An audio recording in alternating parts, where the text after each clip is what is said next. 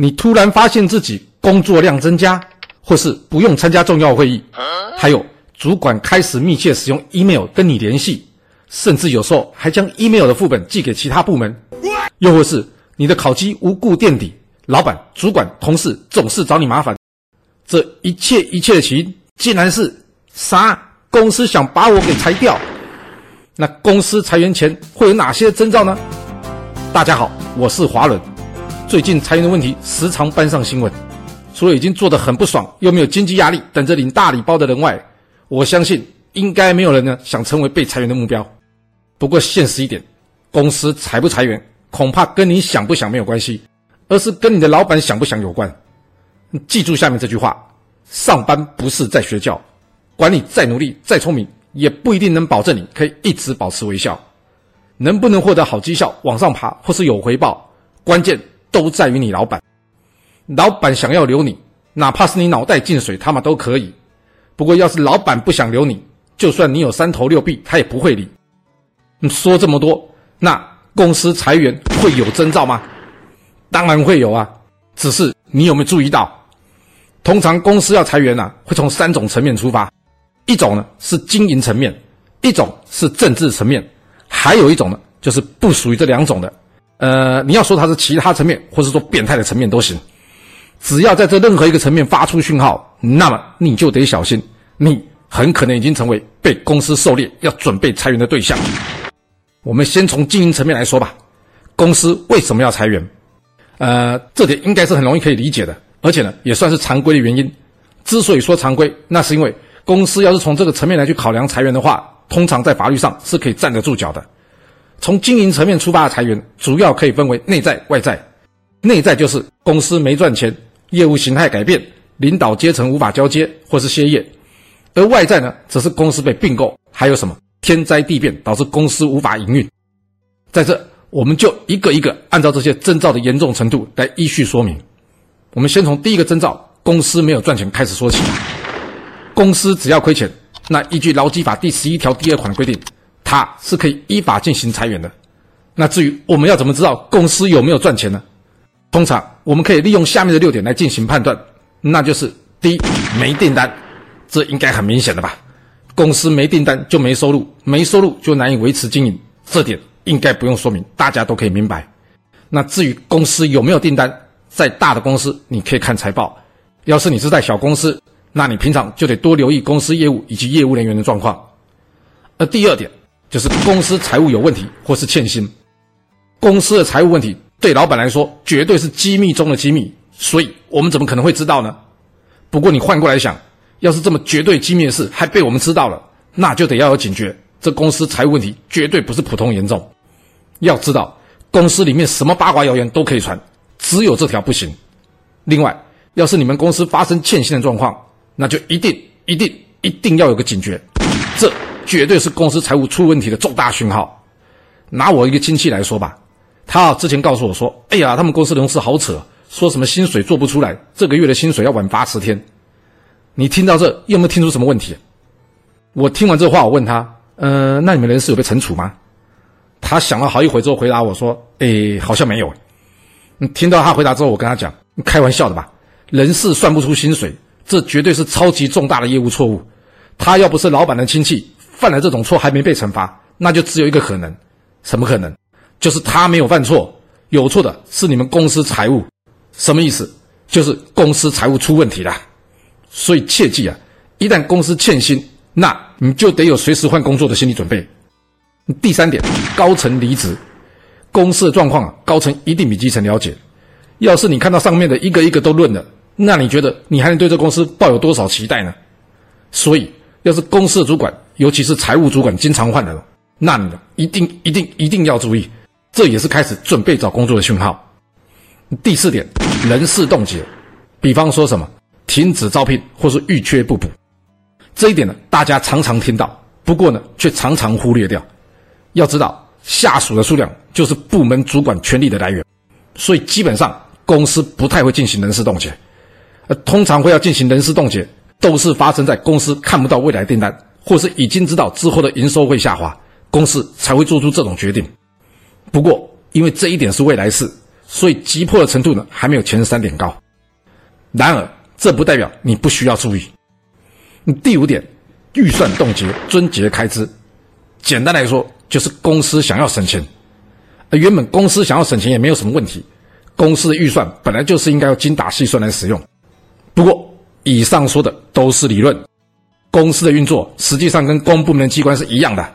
对部门主管来说，谁能拿到更多的资源，那就表示谁的权力更大、更有办法。所以，什么省钱啊、遵节预算的，很抱歉，这些东西很少会出现在这些主管的基因里面。我们通常看到是什么？这些主管们大手大脚的花钱。公司赚钱的时候，老板不会跟你计较这种事。但要是公司不赚钱，或是已经知道将来不会赚钱了，老板当然跟你算清楚啊。所以，一旦你发现公司有这个征兆，那就表示公司赚的钱开始变少。你至于是不是到了亏损了？呃，通常还没有那么紧急。呃，既然没有那么紧急，那是不是就不用注意了？当然不是啦。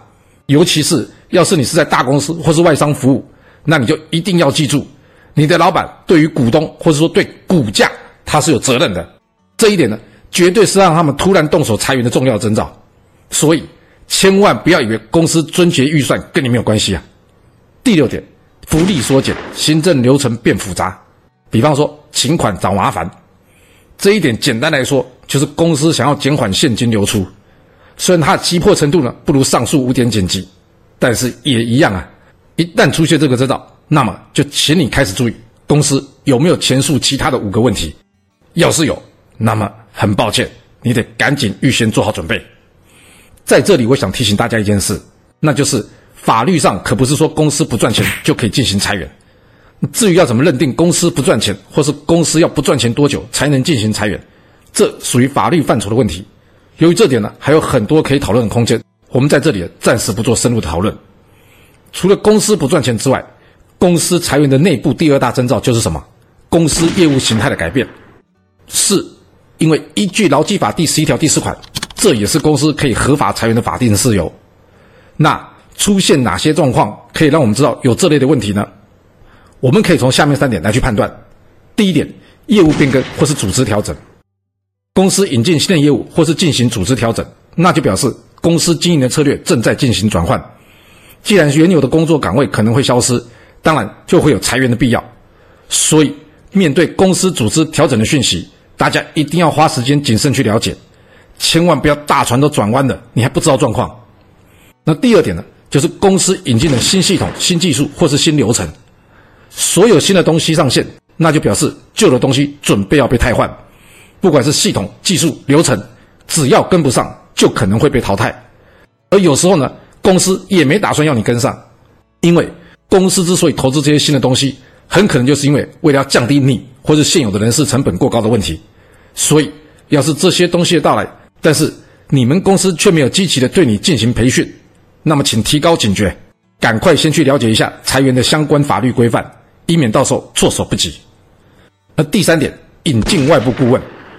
要是你看到公司有外部顾问呢，经常在公司穿梭，这不是表示你老板准备进行新的投资，那就表示你们公司准备进行刚刚我们说那两项的调整了。这点的急迫程度虽然比不上前两点，但一定要留心后续的发展。最后，内部裁员的最后一个征兆，那就是公司领导阶层无法交接，也就是依据劳基法第十一条第一款。因为歇业所进行的裁员，扣掉没赚钱而歇业这一点，这个问题呢，大多发生在中小企业，因为老老板的年纪太大，无法继续经营，而家族呢也没有人愿意承接经营，这时候公司就非常有可能一瞬间结束。所以在小公司中，千万不要片面的以为老板任人唯亲是件坏事，正因为他任人唯亲，而他亲人还在，所以呢，才会有人愿意承接经营。要是这家小公司都没有老板的亲人在，而且呢，他年纪又大，或者说身体欠佳，又或是虽然他年纪不大，但是生活习惯不好，比方说爱喝酒、爱开快车、从事高危险性的运动等等，那这样的公司一夕之间关门的可能是非常的高的。说完了裁员的内部征兆之后，接下来要讲外部的征兆。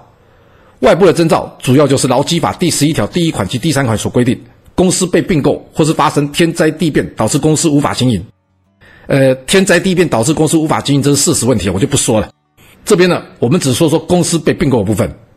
公司被并购大多是在后台进行，所以除非你有在留心市场消息，或是呢你跟你们公司财务人员很有交情，要不然大部分的时候啊，员工不一定会知道公司要被合并。我们只能从事后判断。那公司被合并之后，要出现什么征兆才能看出公司有打算要裁员呢？那我们就直接说吧。被并购公司的同仁呢，要注意一件事，什么事？就是要是你原先被并的公司啊，依旧可以独立运作，那会有什么问题呢？没问题，通常短时间内不会有什么问题。会有问题的是那些无法独立运作，或者是由并购方主管来进行管理的。你只要想，通常大多数的并购者啊会抱着占领者的心态而来。他们会认为那些被并购的公司都是由那些战力低的员工所组成的，而这帮被并购公司的人呢，原本就跟他不同挂，不是他自己人，那就可想而知，这接下来的扫除异己活动啊，应该会即刻展开。以上就是经营层面常常会发生裁员的征兆。那讲完经营层面的征兆之后，接下来我们讲的是非常规，也就是变态的裁员征兆，这包括政治层面以及其他变态层面两个部分，请注意哦。既然是非常规，那就表示什么？表示这当中极可能存在着非法裁员的问题。不过重点是你知不知道而已啦。这一点有兴趣的朋友呢，可以去看我在说明栏中附的三堂免费课程。那好，我们继续接着说。我们先说说政治层面裁员的会有哪些征兆。政治层面的裁员呢，主要可以分两大方向以及四种征兆。第一个方向是派系问题，几乎每家公司都有派系问题。而不同派系之间的竞争呢，只要有一方胜出，通常伴随的就是另外一方被踢出。所以在这里会出现的第一个征兆，就是派系或是组织上层倒台。没错，正所谓树倒猢狲散。要是你两岸的派系领导高层被斗倒，而你也来不及转换跑道或者向别的派系投诚，那无悬念，接下来这裁员的无情大刀就非常有可能会砍向你。像这种派系倒台，要是你参与其中，那怎么丢掉工作？我相信你会很清楚。不过，要是是组织上层倒台，下面的人可能根本就没参与这斗争，但是因为整个组织被处理掉，所以呢，他也被裁掉了。像这种就很倒霉。就拿我自己之前公司来说吧，我们的公司哦，原先有双 CEO，结果其中一个 CEO 下台，那他的下台会造成什么后果呢？直接告诉你答案，随着他的下台。他原先所带领部门呢，立刻血流成河，一大堆人呢失去工作岗位。所以千万不要以为组织上层倒台跟你没有关系。那接下来第二个征兆是什么？新团队的进来，公司绝对不会没事弄个新团队，就像你老板不会没事买台新机器进来一样。有人进，通常就表示什么？有人要出。只不过谁进谁出，还得看新旧团队的手腕，还有老板的态度。然而。通常我们是只闻新人笑，哪听旧人哭，所以要是公司有新的团队进来，而且呢，这个团队跟你的工作重叠性很高，那不要怀疑了，公司已经要准备裁掉你了。说完了派系，接着我们再来说说政治层面裁员的第二个方向，那就是利益问题。简单来说，就是你挡人财路了。不过这个问题呢，常常被人忽略，或者说挡人财路的人自己也没发现。那我们就来看看。遇到这问题时会有哪些征兆？通常遇到这问题时啊，会出现下面两种征兆。第一种征兆是新的主管要求更换新的合作模式，或者是什么合作厂商。就算这个命令是你老板直接下令，但只要变更了合作模式或者合作厂商，你就要非常非常小心的注意你主管的意向。你千万不要想着这样做对公司好或是不好。请记住哦，公司是法人，他不是人呢。哎，对不起，说太快了。他不是自然人。你想要对公司好，公司怎么可能感受得到呢？能感受到你对公司好的只有一个人，那就是公司实际的负责人。除非你确定这么做，公司负责人他能感觉得到，要不然你就千万不要冲动，冷静的想一想。要是你老板能感受到你那份热情，那他为什么不是让你做主管，而是让别人做主管呢？是不是？我们上班的目的是什么？不就是拿时间、智力、体力去换金钱吗？我没有说大家可以不要认真工作付出，不过请分清楚，不要将公司赚钱跟你的赚钱画上等号，因为这样做非常的危险。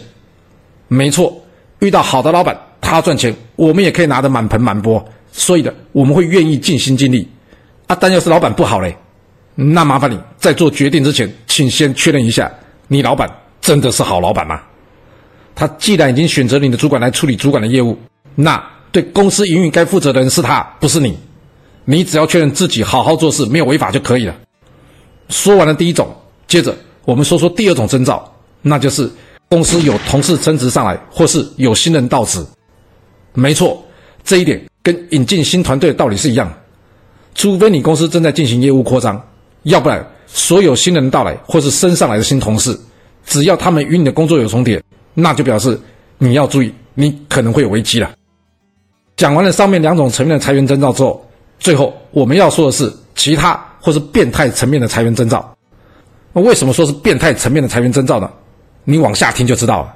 所谓变态层面的裁员征兆，主要会落在三个问题上面，那就是主管癖好、股价需求以及公司文化。嗯，这跟变态有什么关系？不要急，继续听就知道。我们先说第一种，主管癖好。别以为主管癖好是主管的事，要是你的主管是所谓的三号主管，那请注意。这绝对是导致你会被裁员的重要征兆。那什么是三号主管呢？就是好色、好被拍马屁，还有好占人便宜。这好色的主管，你不让他有机会卡你油，那他就换一个愿意被他卡油来的，不就好了吗？别误会啊，我不是要你同意被主管卡油，没有人要你接受猪哥哥或者恐龙姐姐的。不过这是职场的现实，遇到了请赶紧做好准备，准备找下一份工作。而第二号是什么？号拍马屁。之所以这样，那是因为这种人自尊心薄弱，人家也真的很自卑了，你又不肯说好听话，那他去换一个愿意吹捧他的人行不行？当然行嘛。所以，要是你遇到这样主管，而你呢又很不愿意说出那些恶心的话，那么也请注意，除非，除非你非常的有利用价值，加上呢你没有给他难堪，要不然也请你打包好你的行李，做好随时走人的准备。附带一提，我也很不喜欢拍马屁，不过。拍马屁的最高境界是什么？就是你不觉得你在拍马屁，而被拍的人呢，却能确实感受到你很用力的在拍马屁。这一点呢，要是大家有兴趣的话，我们可以找机会再说。那我们接着说下面的第三号吧。第三号就是好占小便宜。你该不会天真的以为像这样主管只拿白银不收黄金吧？要知道，既然拿一块是贪，拿一亿也是贪，你觉得他会拿多少呢？想清楚。这一点就跟挡人财路的道理是一样的，差别是在他的手段差一点，让你可以看出来他在贪。要是你不想被人占便宜，不想额外损失，那么也请你准备一下，开始留心下一份工作。这跟你的表现好不好完全无关。另外，请注意，这种主管会时常找人帮他背锅，这一点在你找到新工作之前，你得非常小心，千万别因为这种人把自己名声给搞臭了。那除了主管癖好之外，前面说过，要是你是上市公司或是外商，你还得多注意一件事，那就是你公司的股价变低，很可能呢也是裁员的征兆。我们常常可以看到这些大老板跟高管们没事就要比这比那，而这些人呢又大多持有公司股票，所以公司股价对他们来说就是他们能对外展现自己身价跟人家比的素材。那请问了，你觉得他们会不会在乎公司的股票价格呢？你只要看新闻。哪家公司一裁员，结果股价就上涨，这一点你就可以知道了。对他们来说，维持或提高身价最好方法，除了是让公司赚钱之外，另外就是什么？裁员呐。所以，要是你们公司的股价相对于同业来说是较为偏低，而你老板或者高管们呢，又常常将这股票股价挂在嘴上的，那得很遗憾的告诉你，公司股价偏低，绝对是裁员讯号。而要这时候呢，公司又换上了新的总经理或是人资主管。又或者说同业裁员的讯息出现，那这裁员的几率啊，又会跳高好几个百分点。另外，在这里还有一种隐藏版的公司裁员征兆，那是什么？就是公司业绩未达年度目标。请仔细听清楚，我说的是公司业绩未达年度目标，并不是公司不赚钱或者亏损哦。我这有没有搞错？这是哪一条法律规定可以因为这样裁员？没有。这不是法律规定，前面说了，这是变态裁员征兆。那既然是变态，当然就不是依法处理。你不相信有公司会这样做，那你就随便上网去查查新闻看看，有多少公司是因为财测未达预期而开始进行裁员的，一大堆啊，数都数不清。这样吧，我们可以换一个白话一点方式来说，可能你会比较明白。公司业绩未达财测，那么股价就会下跌。而股价一旦下跌，前面有说过，老板跟高阶经理人的身价也会因此下跌。要是裁员缩减的是成本，股票就会上涨。这苦的是你，爽到的是他自己。那请问你觉得他会怎么处理？最后一种就是第三种，也就是公司那圈圈叉叉的文化。很多公司都定有考绩最后百分之几的人要被公司淘汰规定，而且大家好像也都习以为常，觉得这规定是正确的。然而，请搞清楚一件事：员工不是人类身上老废角质，这老废角质应该要更新。但是员工的汰换可不是你公司可以这样随便乱来的，好吗？不过很可惜，不知道是谁帮大家洗脑的，因为大部分员工都觉得考绩不好，应该就等于劳基法第十一条第五款，员工却不能胜任工作，所以大家都会认为只要表现不好，公司裁员是合法的。拜托大家醒醒好吗？要真的是这样，公司请你一个不是人的人走，劳基法为什么要公司付你之前费呢？另外。法院为什么要弄出个解雇最后手段性原则？所以在看完或者听完我说明之后啊，你千万别再以为公司这样做是合法的。那至于自己的权益要怎么保障呢？一样放在说明栏的免费视频中，你有空可以去看看。以上就是所有裁员征兆。好，让我们再一次整理一下裁员会有哪些征兆，那就是公司没有订单，或是高层离职，尤其是财务主管频繁离职，又或是有财务问题欠薪。还有人事冻结，比方说停止招聘、预缺不补，又或是预算冻结、终结开支；还有福利缩减、行政流程变复杂，比方说请款找你麻烦；而业务变更、组织调整、老板引进外部顾问，还有引进新系统、技术流程，领导阶层无法交接，公司被并购、派系或组织上层倒台；另外，公司引进新团队、新的合作模式、厂商，还有有人升职或是新人到职。以及主管好色、好拍马屁、好占便宜，还有公司股价偏低，特别是这时候发生了空降总经理或是人资主管同业裁员，以及业绩未达成年度目标的这个问题时，这时候裁员风险就大大提高。最后呢，就是公司淘汰文化，只要出现上面这些征兆，那就表示你得很小心了。裁员的大刀最后会砍向谁？天晓得。你每天看着你老板跟主管，你都不知道。我一个外人怎么会知道你跟你老板或主管混得怎么样？他会不会想动手除掉你？不过，要是你真想要知道一个方向，那我会告诉你：如果你发现你突然间变得很清闲，那表示公司没业绩；要是你主管开始要你加一些没有意义的班，这表示你这主管正想用这方法证明他部门存在价值。一样，这问题也是公司业绩不好。要是你公司已经进行过一波裁员，那么就请千万记住这句话。你不可以相信公司说那是最后一波。另外，老板突然间变得对你很客气，你觉得那是什么原因？原因就是他希望跟你谈裁员的时候啊，能少给你一点。最后就是只要你发现有下面任何一点事情发生在你身上，那你就得要非常非常非常注意。那是哪些事情发生在你身上时需要注意呢？那就是一，你的工作量突然无故增加，或是二。突然把你调到新的职务，还有三，主管密切使用 email 与你联系，或是四，主管将你的 email 副本给其他部门，又或是五，你的考绩无故垫底，以及六，老板主管变得很严厉，刁难作业执行，与七，不用出席重要会议，还有就有八，主管无端找你进行 one on one，也就是一对一的会议。以上这几点，只要遇上一点，那就表示你们公司正有极高极高的可能。打算要对你进行 PIP，也就是员工改善计划的前期作业。上面这八个小动作都是公司为了要证明你不能胜任工作而为你准备的前菜。那至于你是不是真的不能胜任工作呢？不重要，重要的是你知不知道要怎么样利用这段黄金时间来保护自己。要想知道的，一样也可以去说明栏看一下这三堂免费的课程。另外，有的公司是呢不搞 PIP，而是直接搞职场霸凌的。比方说，主管、同事不是故意忽视你，就是一起整你，或是到处放谣言重伤你，又或是说你要被裁之类的话，那遇到这种事算是倒霉吗？我们可以乐观一点看，这绝对比直接对你进行非法解雇还算好一点。什么意思？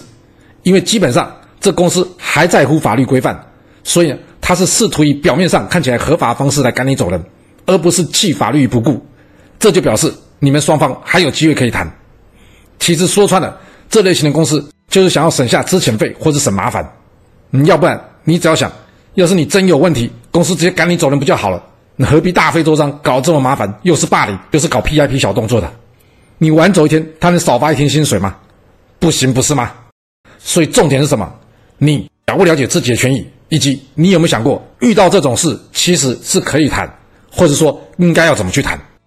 我这边在说明栏中有放了关于面对裁员或是员工改善计划 PIP 时应该保持赢家心态，以及法律规定还有相关权益的三堂免费课程链接给大家。要是有兴趣了解进一步内容的人，可以自己去看看。